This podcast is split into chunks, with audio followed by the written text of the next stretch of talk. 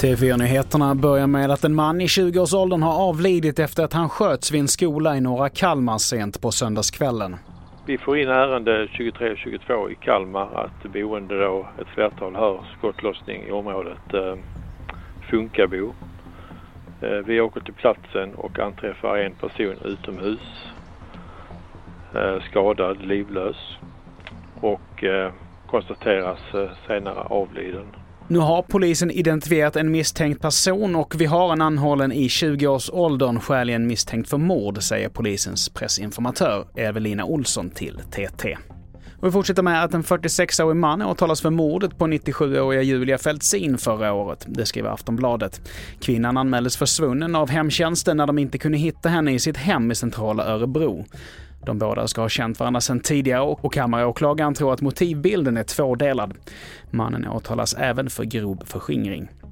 Och vi fortsätter med att EU vill förlänga sina krisregler kring sin normalt sett strikta budget. Det meddelar kommissionens högsta finansansvarig under en presskonferens i Bryssel, enligt TT. Undantagen infördes under pandemin, men nu ska det alltså förlängas för att möta följderna av kriget i Ukraina, den stigande inflationen och de skyhöga energipriserna. Och allt fler unga söker psykiatrisk vård, det visar en kartläggning som Sveriges kommuner och regioner gjort. Brist på sociala sammanhang under pandemin, en ohållbar skolmiljö och stress är några av orsakerna bakom de ungas dåliga mående. Antalet barn i behov av hjälp från BUP har ökat med 14 procent och förra året så genomfördes 160 000 fler besök än för fem år sedan.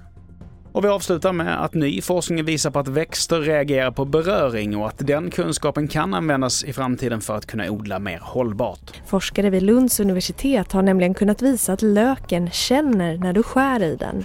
Den kan visserligen inte känna smärta men aktivera tusentals gener som sätter igång en stressreaktion. Och reporter här var Frida Jareteg. Fler nyheter det hittar du på tv4.se. Jag heter Mattias Nordgren.